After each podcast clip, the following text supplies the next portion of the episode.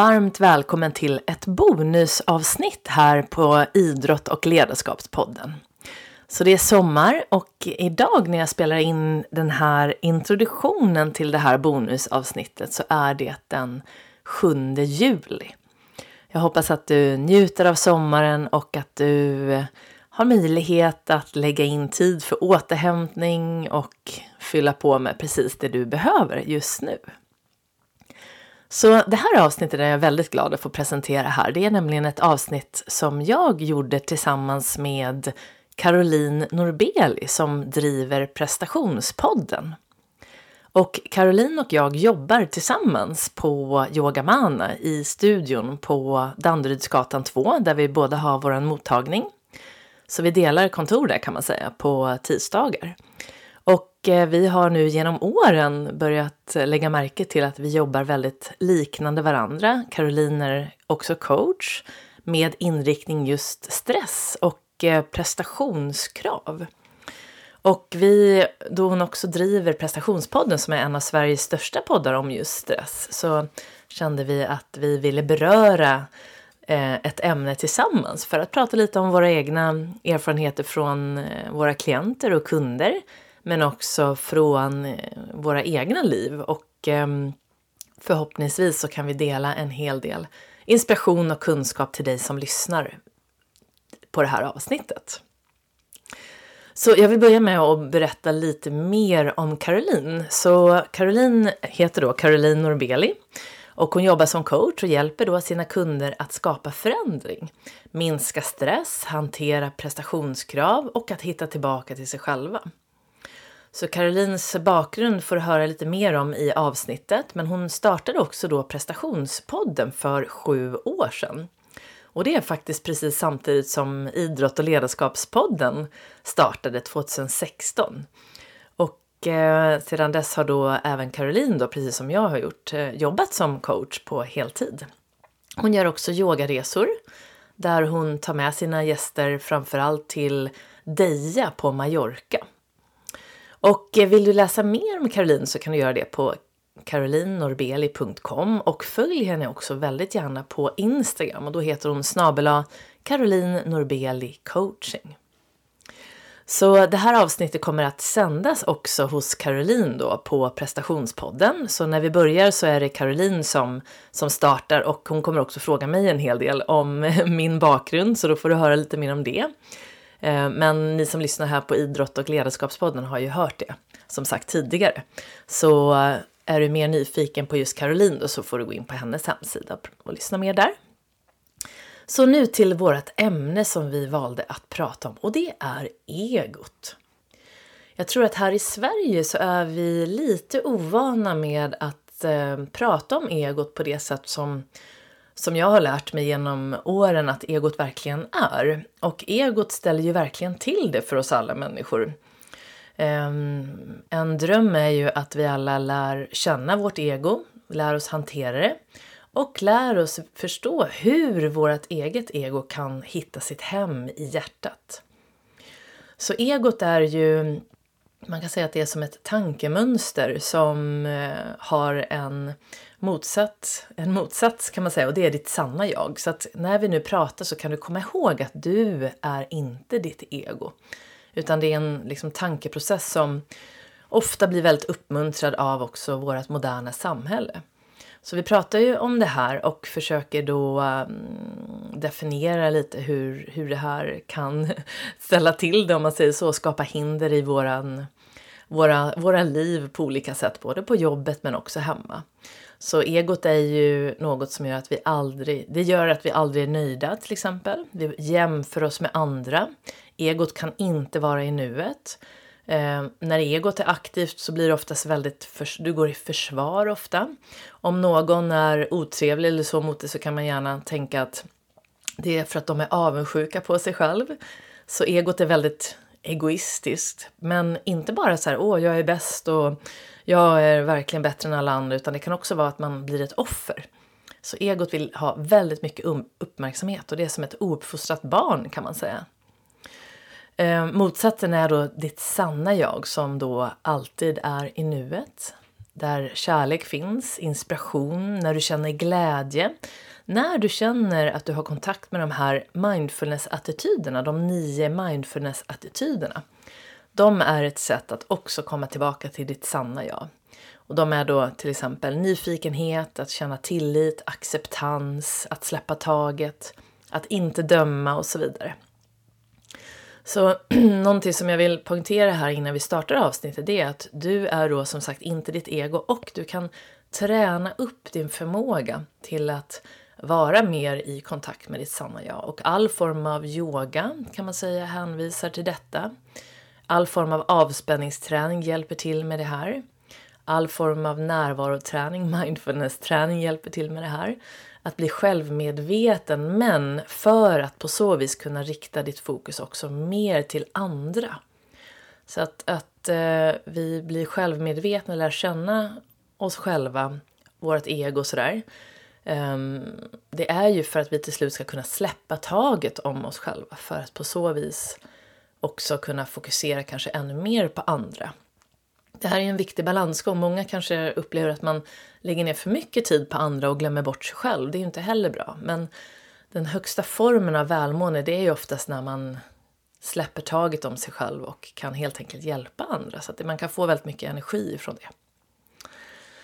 Så ni förstår, det här är ett jättestort ämne. På slutet av avsnittet så kommer jag hänvisa till några fler övningar som du kan göra för att hitta ditt sanna jag. Och eh, jag har lärt mig väldigt mycket om egot både från min egen coach som jag jobbar med idag, Linda Björk, som du kan läsa mer om på lindabjörk.com eller på björkbusiness.com, men också från Byron Katie och Eckart Tolle. Och de, eh, man kan säga Eckart Tolle är ju mer en spirituell ledare, men Byron Katie hon jobbar väldigt mycket praktiskt med övningar för att liksom släppa taget om sitt ego. Hon har fyra frågor, så du kan gärna läsa mer om det på thework.com. Så som sagt, jag hoppas att du får med dig en hel del inspiration och kunskap från det här avsnittet och jag tackar Caroline så väldigt mycket för att vi kunde ha det här samtalet och så hoppas jag nu att du också går in och lyssnar mycket på prestationspodden som då har också väldigt många spännande avsnitt om stress och mycket annat. Så varmt välkommen och eh, luta dig tillbaka, ta några djupa andetag och nu kör vi!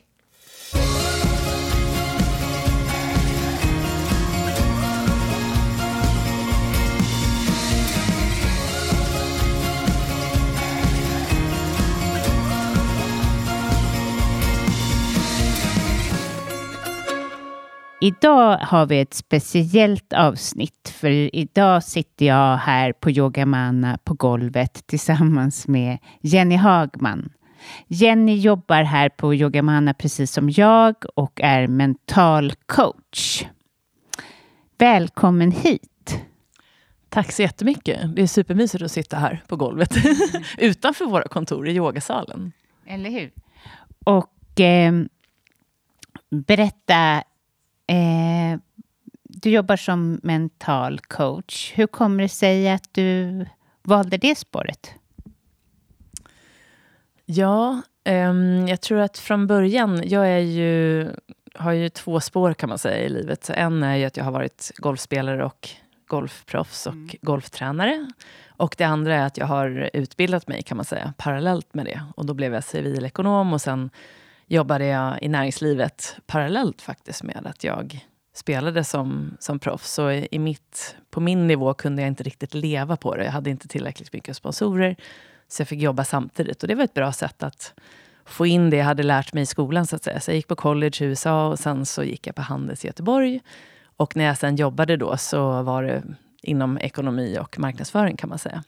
Men det ledde till att jag också var VD under sju år. Och eh, när man har varit golfproffs och sen VD, då börjar man förstå att det här med stress och det här med att kunna vara mentalt stark, behålla lugnet när det gäller och sådär, det blir väldigt viktigt. Så när jag då eh, dels jobbade som golftränare efter min liksom, eh, eh, proffskarriär då, eh, då insåg jag ju väldigt mycket att eh, det fanns mycket att göra för golfare för att kunna prestera på topp, även eh, under press. Då. Och Ehm, att kunna det här med mental träning, jag tror att man brukar säga att 93 procent av golfen handlar om mentalt till slut. Och sen när jag jobbade som VD så var det lite samma sak. Att eh, Det är ju väldigt lätt att vara mentalt stark när allt går bra. Eh, och sen lägger man lite press på det då. Då kommer det upp saker som man kanske behöver jobba med lite extra. Och i mitt fall när jag fick barn och fortsatte jobba som, som VD och skulle...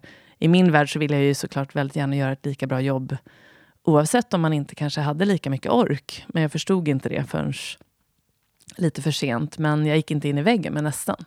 Så när jag sen avslutade eh, min roll som VD, då skulle jag ju liksom välja inriktning igen kan man säga. Hur kan jag kombinera min tränarroll som jag hade då från tidigare med golfen, med min skolgång, med min arbetslivserfarenhet. Och då blev det mental träning och in på det spåret. Så det var väl det. Och mental träning har som mål, och det kommer från... Eh, mental träning grundades ju i Sverige 1968 av Lars-Erik Unestål med målet att få människor att må och fungera bra.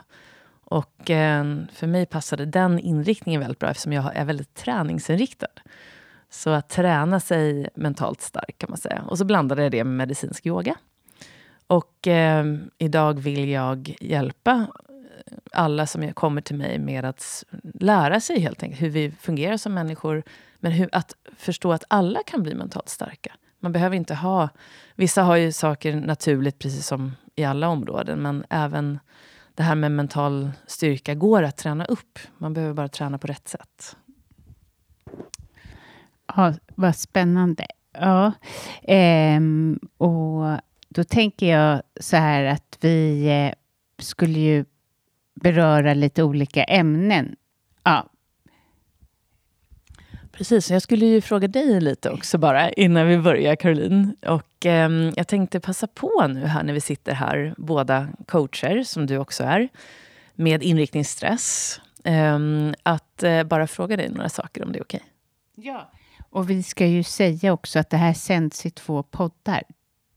Precis, exakt. Så jag har ju då en podd som heter Idrott och ledarskapspodden. Och vi har ju kommit på här när vi sitter bredvid varandra att vi jobbar väldigt liknande kan man säga när det gäller hur vi har byggt upp våra verksamheter. Och vi tänkte kunna vara lite kul att få dela våran, eh, eh, våra erfarenheter men också hur vi driver företagen lite grann. Och sen då såklart komma in på ett ämne som du som lyssnar förhoppningsvis kan ta till dig då. Så att du kan få med dig lite gottiga grejer nu. Inte bara den här sommaren, men även efter. Mm. Precis, så det här blir ju verkligen ett, eh, en avstickare i prestationspodden och kanske i din podd också. Va? Precis, exakt. Men så jag tänkte på dig Caroline, så vad var det som gjorde egentligen att du blev inriktad mot stress? Eh, jag hade, som lyssnarna vet, många av dem, så eh, eh, jag befann mig i reklambranschen. Jag hade ett, en son och eh, det var för mycket att kombinera för mig. Jag var inte riktigt rätt i reklam. Alltså jo, jag var rätt i branschen, men jag jobbade som AD och det innefattar att man eh, inte bara ska vara kreativ, utan det var även mycket så här tekniskt med program och eh, millimeter eh, precision och det är inte min grej. Jag ska måla med de stora penseldragen och eh, det stressade mig extremt så pass att jag, jag, jag brände nog ut mig, men jag har inte fått någon sån diagnos, utan jag gick, sa upp mig, kom hem, vilade och sen började söka vad jag skulle bli när jag blev stor, blev det lite grann, och vart jag skulle ta vägen. Och det, jag var inne på rekrytering, jag var inne på försäljning, men det var inget som, som var bra, eh, passade. Mm. Hur gammal var du när du, eh, böt, när du förstod liksom att Nej, men det här vill jag inte göra, nu vill jag göra något annat? Eh, det var ungefär, jag är idag 47 och eh, det var eh, 14 ja, nej, ja, 13 år sedan. Mm. Och eh, hur kom du på då att du ville liksom bli coach? Jag, eh, jag hade startat prestationspodden tillsammans med en eh, Per Lundevall. På den tiden så körde jag med honom och jag träffade mycket coacher och eh, psykologer och så. Och jag har alltid fått höra att du ska jobba med människor, men jag har alltid undrat, men hur? Och eh, när man är ung och får höra den, eh, höra det att man skulle passa som, som terapeut eller annat. Det kändes ju så långt, men efter att ha gått igenom mycket och fått barn och så, så började jag närma mig det. Och så gick jag till en coach själv, som sen liksom guidade mig till att bli coach helt enkelt. Och det här är ju vanligt tror jag idag. Många som vill bli coacher och jobba med att hjälpa andra, både inom yogavärlden som jag också rör mig inom, men också inom coachvärlden. Och både du och jag har ju nu verksamheter som går runt. Vi har jobbat i några år. Jag har jobbat i sju år på heltid med det här. Hur länge har du jobbat? Sju år. Du ser, så lika. Mm. Men, och jag vet att det är många som har svårt att få det att gå runt i början framför allt. Vad tror du det var som gjorde att du kunde fortsätta och få det att gå runt ja, på heltid så att säga? Dels har jag till en början eh, downsizat. Jag var inte, alltså jag drog inte, jag tjänade inte särskilt mycket till en början. Och sen, eh, sen ja, sen har jag väl eh, genom podden, för, når jag ju ut till många, men också tror jag att jag ehm, jag försöker vara så genuin som möjligt. Att inte ha, jag försöker inte vara någonting annat än det jag är. Och det, det tror jag är det viktiga. Att när man, ja, som vi kommer att prata om, man måste lägga bort sitt ego och så väldigt mycket som coach och bara vara till för, att, för andra och då går det bra. Ja, jätteviktigt. Och... Um jag undrade också, du har ju en tennisbakgrund, eller hur? Ja. Och eh, jag var bara lite nyfiken på om det är någonting från den sidan hos dig som du idag känner att du använder i din roll som coach? Ja, och i jämförelse med dig så har jag ju, det är ju en hobby, men det, jag eh, känner väl att, att aldrig ge upp, det kan ju också vara farligt. Men det har man ju fått från tennisen. Det här kämparandan. Att även när det inte går bra och så, så bara fortsätta. Det, det, det, ja, precis. Och vad tycker du själv då? Vad har varit svårigheterna för dig? Eller vad säger jag? Vad tror du, varför tror du att det, det funkar, har funkat för dig som coach?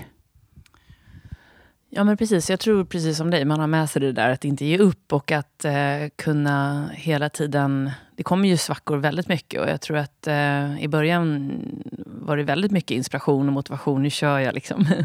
um, men att kunna hantera svackor, att förstå att det inte går en rak väg framåt, att man inte ger upp. Men sen är det ju också att jag hade ju väldigt mycket eh, en stor plattform i golfvärlden.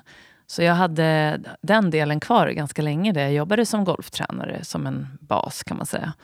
Och eh, samtidigt som jag började då öka min verksamhet kring att vara här då på Yogamanna och tidigare var jag också på Brahegatan hos Inmo där jag fortfarande kör lite yogapass och fysträning.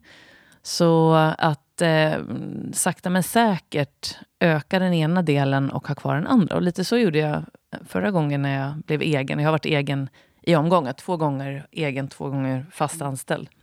Så förra gången innan jag släppte för att bli golfcoach då, då började jag faktiskt jobba som golftränare på kvällen. Så jag jobbade liksom på dagen och åkte dit på kvällen. Så det där med att ha en plattform har hjälpt mig i alla fall, så att inte släppa det helt.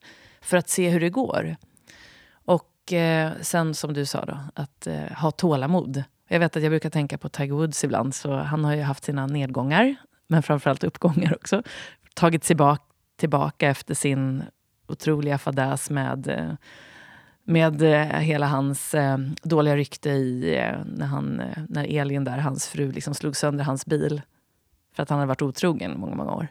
Och eh, sen när han kom tillbaka, och han har varit skadad också, haft ryggoperationer. Och han sa en sak när han vann Augusta Masters förra gången. Det var efter hans comeback, jag tror det var för, förra året det är 23 nu, jag tror att det var 21.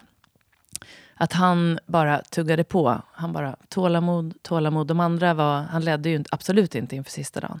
Men han var där på toppen och att han in, de andra var jätteduktiga. Men till slut så började de slå snett, slog i vattnet och han bara tuggade på. Det där tålamodet. Mm. Det tar alltid längre tid än man tror. När jag startade eget för sju år sedan, för andra gången då, Då tänkte jag så här, men ett till två år. Sen, nu är det liksom sju år. Och jag tror efter fem år så började jag känna att nu börjar det kännas rätt bra. Ekonomiskt och att jag hade hittat rätt för min del. Så det tar längre tid än man tror. Verkligen.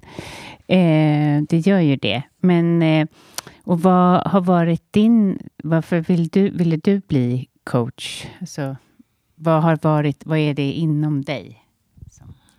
Ja, men exakt. Det är en jättebra fråga. För Jag fick den här frågan för länge sedan. Vill jag göra det här för att... Om man tänker när man är golftränare och man har varit proffs och så blir man golftränare. Då eh, brukar frågan vara så här, men gör du det här för att du vill få bekräftelse av andra som säger ja, men tack för att du är så bra, nu har jag blivit bättre. Eller gör man det för deras skull? Förstår du? Mm. Um, och jag satt och funderade på det jättemycket. För om du går till mig som golf mm. och tar en golflektion och så säger jag någonting och så blir du jätteglad och så får du jättefina slag och sådär. Då kommer du ge mig så här, tack för reflektionen och jag är så himla tacksam. Är det därför jag vill vara coach? För att du ger mig förstår du, den här bekräftelsen? Eller är det för att jag verkligen ser att nu har du lyckats, att jag släpper mig själv lite som du var inne på? Och jag tror att, eller jag har kommit fram till det, att det absolut bästa, också för ens eget välmående, det är att hjälpa andra. Och jag tror att det är, jag vill också hjälpa andra i den roll som jag själv var i, när jag kände att jag inte hade den där coachen som jag eh, hade behövt, eller när jag inte hade den där mentala träningen som jag nu kan förstå kan hjälpa väldigt mycket. Så jag försöker ju ta... Du vet, man brukar vara bäst på... Nu är det 10 år sedan, 10, 15, 20 år sedan kanske, innan jag, när jag hade de här liksom, tydliga problemen, om man säger, mm. mentalt, på golfbanan och sen som vd. Men då, man kan ju... Nu har jag ju lärt mig väldigt mycket och att ta den kunskapen och dela den, det är väl det jag vill göra. Och jag tror att det är det jag brinner för. För jag ser att alla gör samma misstag. Mm. Ja. Precis. Och idag då har vi ju tänkt att prata om lite olika ämnen ihop, för du och jag ses ju här på Yoga Manna och så ja, har vi våra kunder, men vi stöter ju ihop eller liksom, och bara sätter oss och pratar om olika ämnen eftersom ämnen som dyker upp eh, i våra, med våra kunder och i våra liv helt enkelt. Mm. Och något som är så otroligt jobbigt som ställer till det jättemycket, eh, det är ju egot. Eh, och ja, jag, jag tänker så här, egot, eh, det, det, kan jag verkligen synligt se i min podd, hur den ställer till det.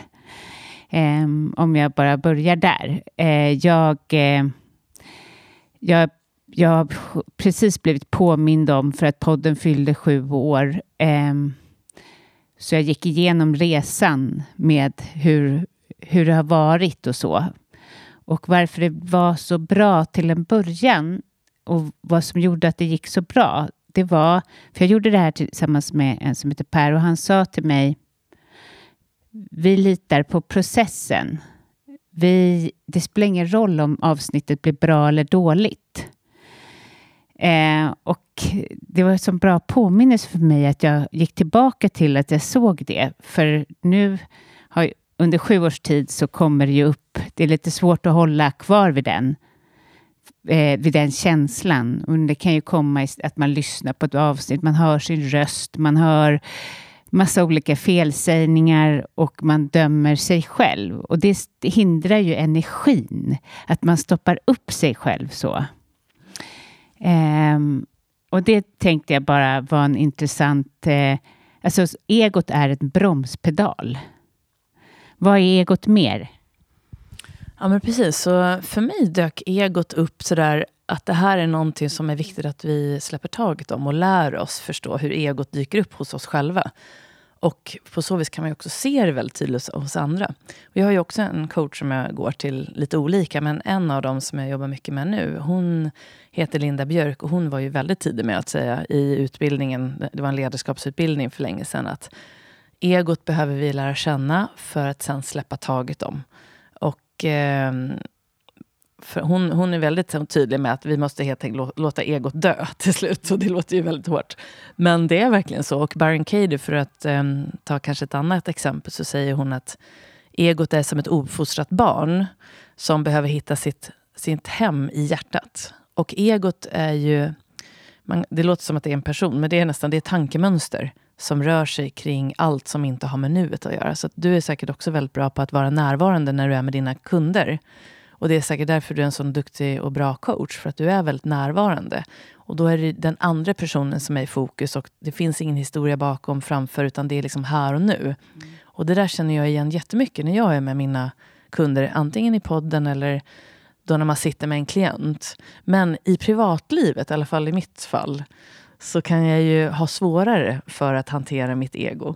Mm. Och då märker jag att det handlar väldigt mycket om att jag till exempel lägger in massa historier om dåtid och framtid. Till exempel man är med vänner som har känt en själv i flera år.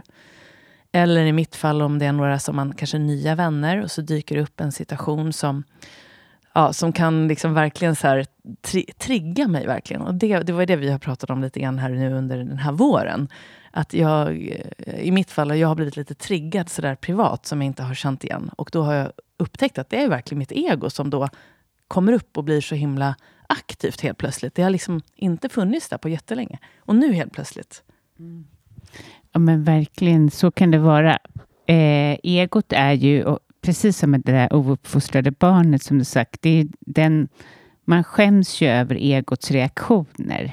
Om, bara för den som inte vet vad egot är, så är det ju ofta den som reagerar på ett sätt som man bara säger, men gud, var kom det här ifrån? Man kan nästan inte stå för det. Eller egot är ju också avundsjukt och egot jämför sig. Eh, men så om man kan backa lite och titta på egot, alltså man kan liksom själv tänka att man står och ser sig själv, så kan man ju få syn på det. Ehm, men ja, egot till exempel är framträdande för mig om man jämför sig till exempel med Gud, den där podden, hur går det för dem? Och, eh, sådana saker håller ju egot på med. Men och egot ställer till det. Och eh, jag tror faktiskt att om man låter sig titta på det här egot så, så försvinner det. Mm. Det är väl så jobbet är. Precis, att sätta ljus på det. Som vi, att vi kan prata om det här till exempel. Och jag tror att många inte, i Sverige i alla fall, är så medvetna. Vi pratar inte så mycket om det här på det här sättet. Jag vet inte vad du upplever, men eh, det är inte så... Jag tror, tycker det kommer mer och mer, men det är ett väldigt fint sätt att börja identifiera. När man liksom inte mår bra, då är det oftast att det är egot som har dykt upp. Eller hur? Och eh, det, man, det man vet, det är ju att när man är närvarande, egot kan inte vara närvarande. Egot är också den som säger att man aldrig ska vara nöjd. Om du liksom, jag jobbar ju en hel del med idrottare och eh, målet kanske är att vinna en tävling eller så. Och sen när man väl har vunnit tävlingen, då kan man inte riktigt njuta utan det blir liksom nästa tävling. Nu vill jag ha mer. Egot är aldrig nöjt och då vet man, då är det något annat som driver än ditt sanna jag. Så att motsatsen till egot skulle man kunna definiera som det sanna jaget som faktiskt alltid finns där bakom varenda människa. Så att när du träffar en människa som kanske beter sig tävlingsinriktat, eh, blir argt, eh, börjar jämföra sig och kanske börjar prata. med jag, du, du kanske har en diskussion och så vill du berätta någonting och så börjar den berätta om samma fast i sitt eget. Den kan liksom inte lyssna på dig riktigt utan det är också egot, eller hur? Mm.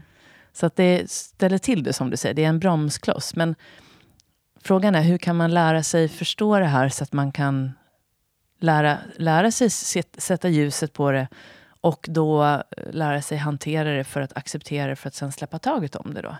Vad skulle du säga? Ja, det börjar ju med medvetenhet. Alltså att försöka... Eh, man behöver ju ta, ta sig tid till att observera sig själv det går, om man är i det och bara lever i sin vardag, då är det väldigt svårt. Så att man måste ju börja fundera över sitt egna reaktionsmönster och fundera över liksom, varför är jag så arg på den här personen? Och kanske förstå och inse att det är inte den där personen utan allting händer inom dig och bli nyfiken på vad är det som händer inom mig? Vad är det för något som sker? Och för, och jag tror att vi behöver mer tid. Eh, när vi lever i våra pressade tillvaror med allt vad som är, med all aktivitet och så, Så hur ska vi kunna få syn på våra mönster? Och det är bara som ta och titta på de här som sitter och skriker i, eh, i sina bilar. Typ, för att det, alltså, eh, jag tror att vi behöver mer avskalat. Jag tror att vi behöver leva mer enkelt egentligen för att få syn på egot. Att, eh, mm. Sommaren är ju en bra tid. Där, nej, men där kan ju egot, liksom, där kan du få syn på ditt ego för att du har tid. Exakt, och det är precis reflektion är ju någonting som, och som du sa, tiden. Man vill ju ha en quick fix på det här också. Men jag tror att det, det här med, som du sa, det här med att eh, hitta sina reaktionsmönster. Om man ur det mentala träningsperspektivet så brukar jag, då jobbar man alltid ut efter vissa grunder kan man säga till att börja med. Och om man säger nu, den första grunden är ju att lära sig reglera sin spänningsnivå. Om man tänker att en person hamnar under press. Och vi säger att det, det, den mentala träningen jobbar ju mycket med idrotten från början. Så vi säger att du, ska, du på träning går allt jättebra. Och eh, sen när du ska tävla, då bara, oj, så går det inte lika bra. Och det är för att spänningsnivån höjs. Man tror att man är i fara och stressen tar över. Och så glömmer du bort typ allt du ska göra. Eh, och är det då en situation där du blir triggad. Säg i mitt fall var det en situation där jag blev... Jag har ju skaffat en hund, Dino. Och när jag, hade, när jag fick barn, då blev jag aldrig så att jag jämförde med andra. Jag har ingen, inget minne om det. Men av någon anledning så är jag väldigt känslig med Dino. Du vet, det finns ju hundcoacher överallt som berättar hur man ska göra och sådär. Så märker jag att jag blir lite, jag tar det väldigt personligt när någon säger till, men oj vad han hoppar, eller så. Och, och jag fattar att det är inte deras mening. Men helt plötsligt, det har väckt då den här. Och jag märker då när jag möter de personerna som kanske är lite extra coachiga, eller sådär, säger de här som jag upplever negativt så fort jag tänker på den personen, eller så fort jag börjar se personen långt ifrån, då märker jag att min spänningsnivå går upp. Och det man vill göra då, om man tänker ur mentalt träningsperspektiv, det är att lugna istället.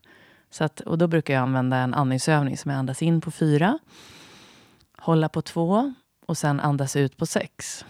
För utandningen gör ju att man aktiverar det lugnande systemet. Så det här är bara tankar än så länge. Så det hjälper mig att lugna mig. Sen behöver man ju ha någon form av strategi då.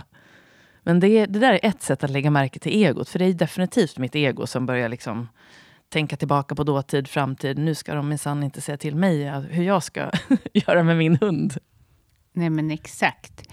Precis, för just det, är vi i den där spänningen kommer vi ju inte komma någonstans i den där hysterin. Nej, eh, och andning är ju vårt ankare att komma ner och det glömmer vi ju så men eh, sen är det ju också en ganska smärtsam process att se sitt ego, för det är ju inte den man vill vara. Alltså, eh, alltså, till exempel egot kan ju vara avundsjukt. Det är ju inte kul. Det, där vill man ju vara långt ifrån. Man kan inte bekänna det. Men, men jag tycker att eh, man måste förstå att vi alla har det här egot och börjar man bli medveten om sitt ego så har man kommit otroligt långt. Att se det så och låta det vara. Alltså... Mm. Ja, men exakt, så man kan säga det är ju en mörk sida hos sig själv. Vi har ju alla mörka och ljusa sidor. Sen vill man ju försöka välja det ljusa så mycket som det går. Men när det mörka kommer fram, till exempel i form av avundsjuka eller jämför, ja, det är ju i, i tät koppling till jämförelse kanske. Mm. Um, alla de där negativa tankarna och man tycker liksom... Och sen kan det då lätt gå till offerkoftan också. Först är det liksom avundsjuka, så blir skäms man för det. Men och, egot kan ju också vara så här, ja men oh, minsann alla andra är mycket bättre än mig och jag är liksom ingenting värd. Och det här är ju verkligen, oh, hur ska det här kommer aldrig gå det är också, man tänker hela tiden på egot som det här lilla barnet. Eller hur? Då blir det lite lättare. Och alla känslor som finns i ett barn är ju så tydliga. Men hos, hos oss vuxna så går vi liksom runt och bara fortfarande, även om jag tycker att vi pratar om det så mycket mer, så är det jättesvårt att visa. Och, och när man, om man nu råkar visa en, en sida där man kanske är avis eller man blir arg och så råkar man visa den sidan, då blir det ju ännu värre. Herregud, nu blev jag arg in public. Liksom. Ja. Och då tror jag det är bra att man liksom kan ge sig själv medkänsla eller compassion. Att det är liksom okej okay att man har stått och skrikit eller att man har gjort på ett visst sätt. Eh, att, och det igen, egentligen, det är ju inget man kan börja jobba med just i den kris... Alltså just när man har sett sitt ego, gjort bort sig och det här skammen kommer, utan egentligen, eh, som jag brukar jobba med mina kunder, är att man jobbar med compassion med sig själv även när det är bra, så att när en sån stund kommer, när det är så här, gud vad pinsamt, jag gjorde bort mig på jobbet, jag, vad man nu gjorde för att egot kom fram, att man har en praktik där man liksom försöker prata snällt mot sig själv även när det inte går bra. Hur är det i, i, i, förresten, i prestationsläge? Vi pratade om det lite tidigare. Så här, vad gör egot för oss när vi ska prestera? Eh, det ställer ju till det väldigt mycket. Mm. Eh, det gör ju att när man inte presterar från hjärtat utan man presterar från sitt mind och från sitt ego, då blir ju spänningen jättehög. Det måste ju du ha sett tusen gånger där på golfbanan. Ja, men exakt, och det där är en nyckel, tror jag, väldigt mycket. Att när du är i mindet för att prestera, det här äh, nu ska jag vinna, nu ska jag slå alla andra, um, nu ska jag minsann... Uh, när man börjar tävla mot andra istället, för jag brukar säga, den, ska man nu ändå tävla, då är det bäst att kunna tävla mot sig själv. Sen är det ju vissa idrotter där det blir svårt. Man har en motståndare som man måste hålla koll på. Och sådär. Men att ditt varför ska komma från hjärtat. Varför gör jag det här? Det är liksom hjärtat, glädjen, kärleken till idrotten eller till, vem, till min utveckling för att jag kan bli en eh, härligare, mer självförtroende, mer självkänsla människa och så vidare. Um, så att, att gå ner i hjärtat, om man tänker bara för att referera till golfen där igen, så tycker jag att det är en otroligt bra verktyg faktiskt. Du tänker, de flesta som lyssnar kanske, alla är ju inte golfare såklart, men det brukar vara ett tacksamt exempel. Så vi säger att du står du har värmt upp på ranchen och där går alla slag jättebra. Och så vandrar du upp till första tid. Nu är det tävling, säger vi. Eller bara nu ska jag spela med några personer som jag... Du kanske blir nervös eller bara prestera för dig själv. Det är, liksom, det är något som händer från övningen upp till nu ska du prestera. Och det sista, jag brukar säga det, du har ju din rutin. Det är ju väldigt viktigt att man lär, lär kroppen, nu ska jag liksom slå ett golfslag. Då går man in, gör man en rutin på samma sätt varje gång. För det är ju lugn och trygghet. Och det sista som man kan göra innan man slår sitt golfslag, då brukar man titta upp mot målet. Okej, dit ska jag. Men då kan man andas in, andas ut, så kan man gå ner i hjärtat. Förut så, det finns något jättebra som heter Fokuspunkten, så ni som lyssnar i min podd här kommer känna igen det. Men jag har inte pratat så mycket om att man också kan gå ner i hjärtat. Om man har problem med eh, att prestationen tar över och det blir den där rädslan av att då inte prestera. Vad händer då? Man blir tuff mot sig själv. För att hitta den där compassion. Även i ett tufft tävlingssammanhang.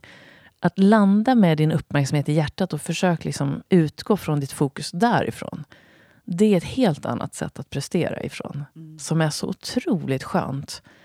Och helt plötsligt så kanske du då till och med kan lära dig förstå att det är när du mår som bäst och är som snällast mot sig själv som du faktiskt kan prestera som allra bäst. Kanske ännu bättre än när du har den där tuffa eh, det här är liksom, nu minsann ska jag visa alla andra. Den energin är inte lika stark som energin som kommer om du utgår från kärlek.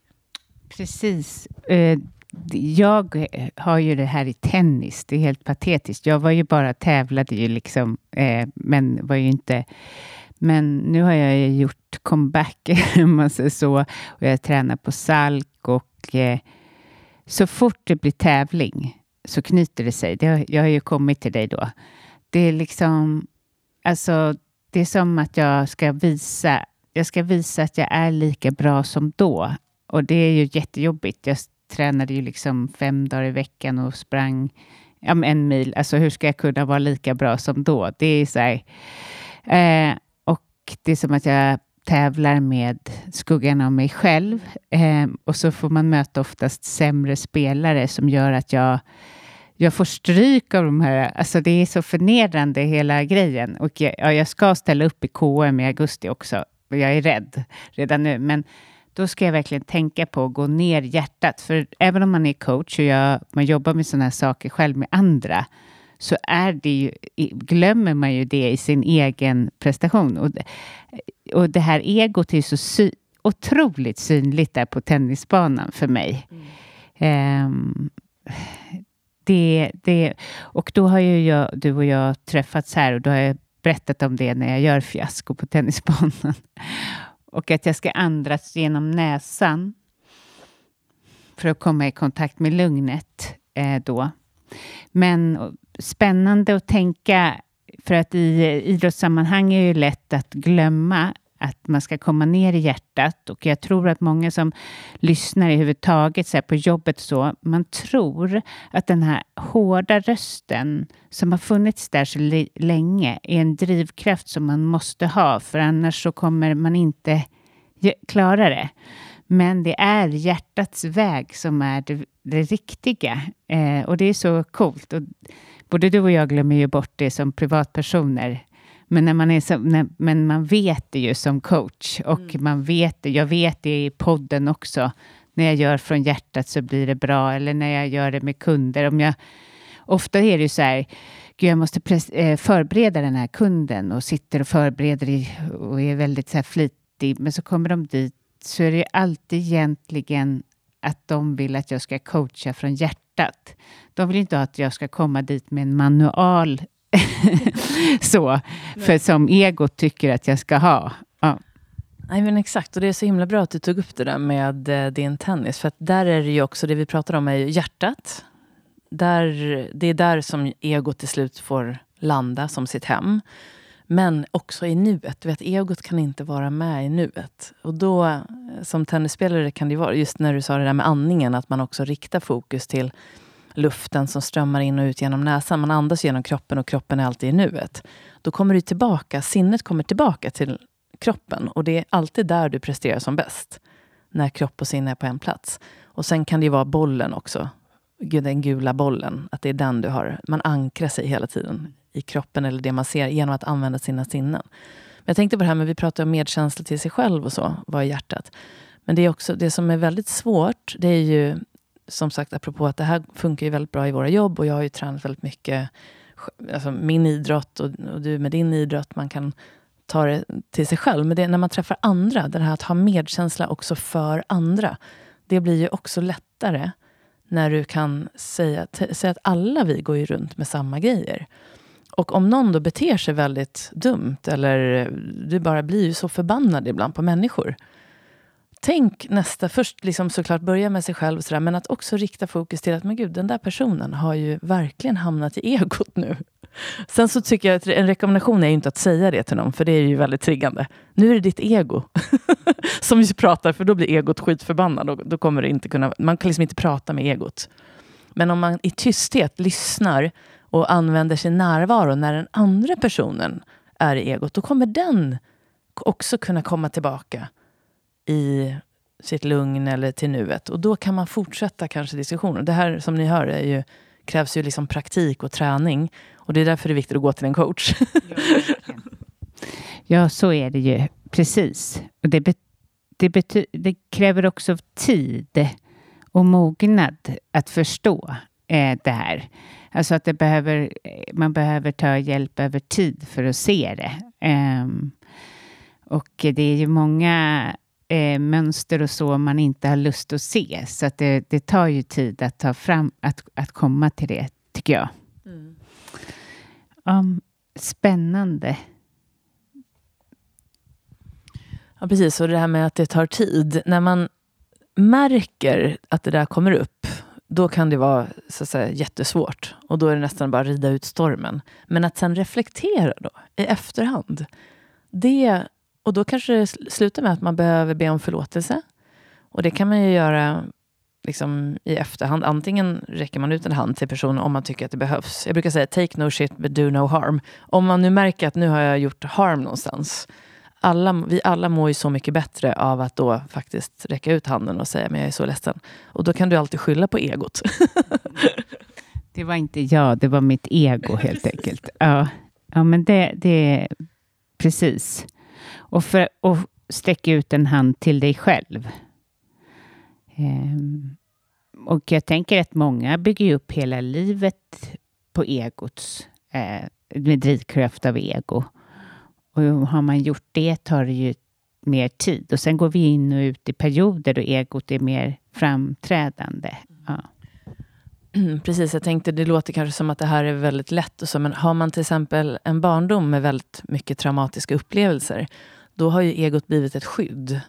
Och har man då använt egot för att överleva, så att säga, och, och då tar man med sig det upp i vuxen ålder. Men någonstans, jag vet jag hörde någonstans att när du är uppåt kanske 25-30, då är det jätteviktigt att vi försöker hantera och lära oss ähm, läka.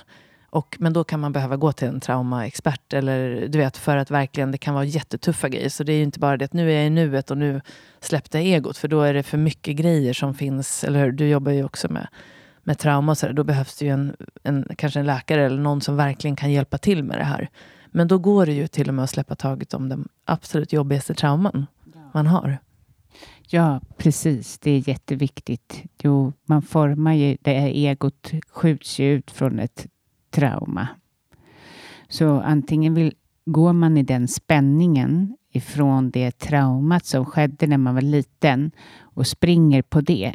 Eller så blickar man dit och så. Och jag håller med om att man kan gå till en coach och så, men är det allvarliga, då kan man ju också bli guidad vidare man hittar det, att det behövs en traumabearbetning eller så. Mm. Ja.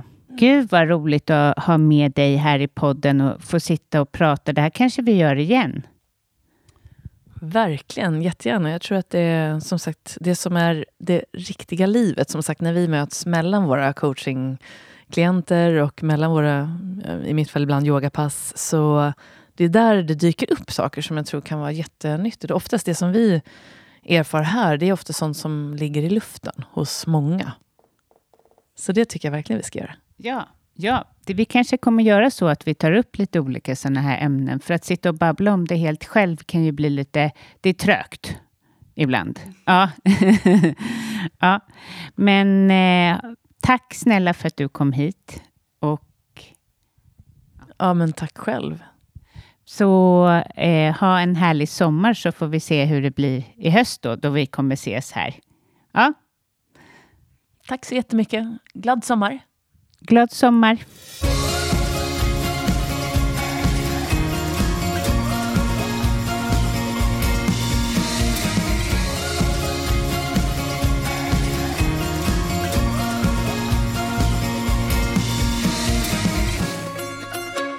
Då har du fått lyssna till mitt samtal med Caroline Norbeli och våra diskussioner om egot. Så jag hoppas att det här har gett dig en hel del inspiration och kanske lite ny kunskap som du då kan ta med dig in i din egen vardag. Och som jag nämnde både i början av avsnittet och också i avsnittet så kan vi då träna för att vara mer i kontakt med ditt sanna jag, som är liksom ditt rätta jag kanske man kan säga. Så kom ihåg att du inte är ditt ego, men att du kommer må väldigt bra om du lär känna ditt ego och kan lära dig hantera det genom att låta det landa i hjärtat då, man kan uttrycka det. Så det här med hjärtat är ju en viktig nyckel till att hitta sitt sanna jag och eh, ett väldigt bra sätt att lära sig få kontakt med hjärtat men också släppa på spänningar i området kring hjärtat och sätta igång cirkulationen i kroppen och landa i kroppen. Det är ju att yoga. Och den yogan jag själv jobbar med är ju medicinsk yoga och nu finns under hela sommaren här ett yogapass, eller två yogapass i min Facebookgrupp som heter Stolt, stark och säker. Och ett av de passen är just från hjärnan till hjärtat. Och det andra passet är lindra din oro och balans. Så när du gör den typen av yoga då lär du dig dels landa, du blir centrerad, kropp och sinne kommer i balans och så pratar jag en hel del om just det här med att landa i hjärtat. Så du får jättegärna göra ett av de passen eller båda.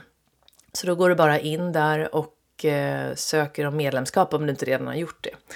Passen kostar egentligen 50 kronor per gång men de här passen som ligger nu här under sommaren de kan du få prova kostnadsfritt om du inte har eh, terminskort och sådär. Så eh, de får du prova och sen från och med den 16 augusti så startar nästa termin och då får du gärna hänga med och då kommer jag också ta bort de här passen.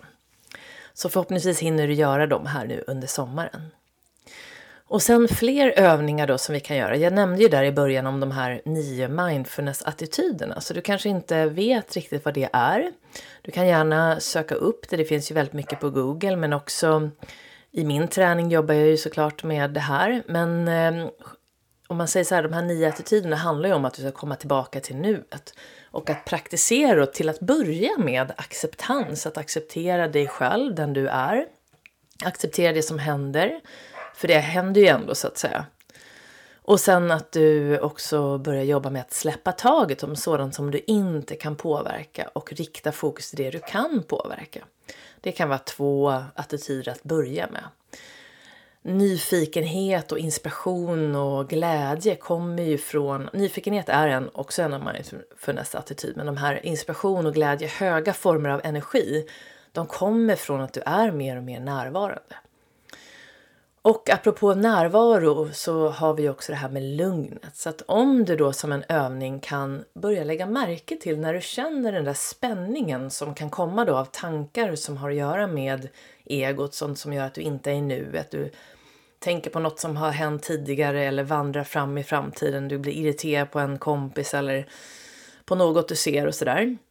Det där är ju en, liksom, då, eller ingen dålig energi, men det, är liksom, det tar på krafterna kan man säga. Det skapar spänningar ofta. Så om du kan börja lägga märke till det och när du väl gör det så ta några djupa andetag och försök landa i hjärtat med din uppmärksamhet. Bara en liten, liten stund. Och se om den tekniken kanske kan hjälpa dig att landa i nuet och se på situationen på ett lite annorlunda sätt. Det här låter kanske enkelt nu när jag liksom nämner det, men eh, det är inte lätt. Men träning, träning, träning gör att du blir bättre på det.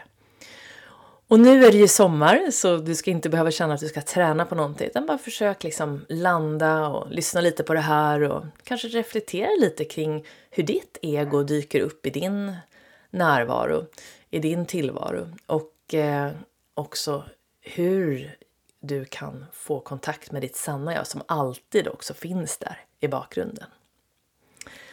Så du får väldigt gärna höra av dig om du har frågor eller funderingar. Då mejlar du till mig på info jennyhagman.com och du får väldigt gärna också läsa mer om mina retreats som jag har här till hösten. Till exempel 16 till 18 augusti på Villa Baro, 9 till 10 september på Körunda och sen ett sådant härligt retreat med mental träning och yoga på Camp Järvsö den 22 till 24 september. Och sen är det då i oktober ett self-care retreat på Siggesta gård som jag gör, det är den 7 till 8 oktober. Och sen ett mentalt styrketräningsläger i Stockholm i november. Så du kan läsa mer om allt det här på jennyhagman.com. Men nu får jag önska dig en riktigt fortsatt härlig, glad sommar du tar hand om dig och så ses vi igen här i podden som startar med säsong 15 någon gång i september. Tack för att du lyssnar och jag hoppas att vi ses snart igen. Ha det så bra. Hejdå!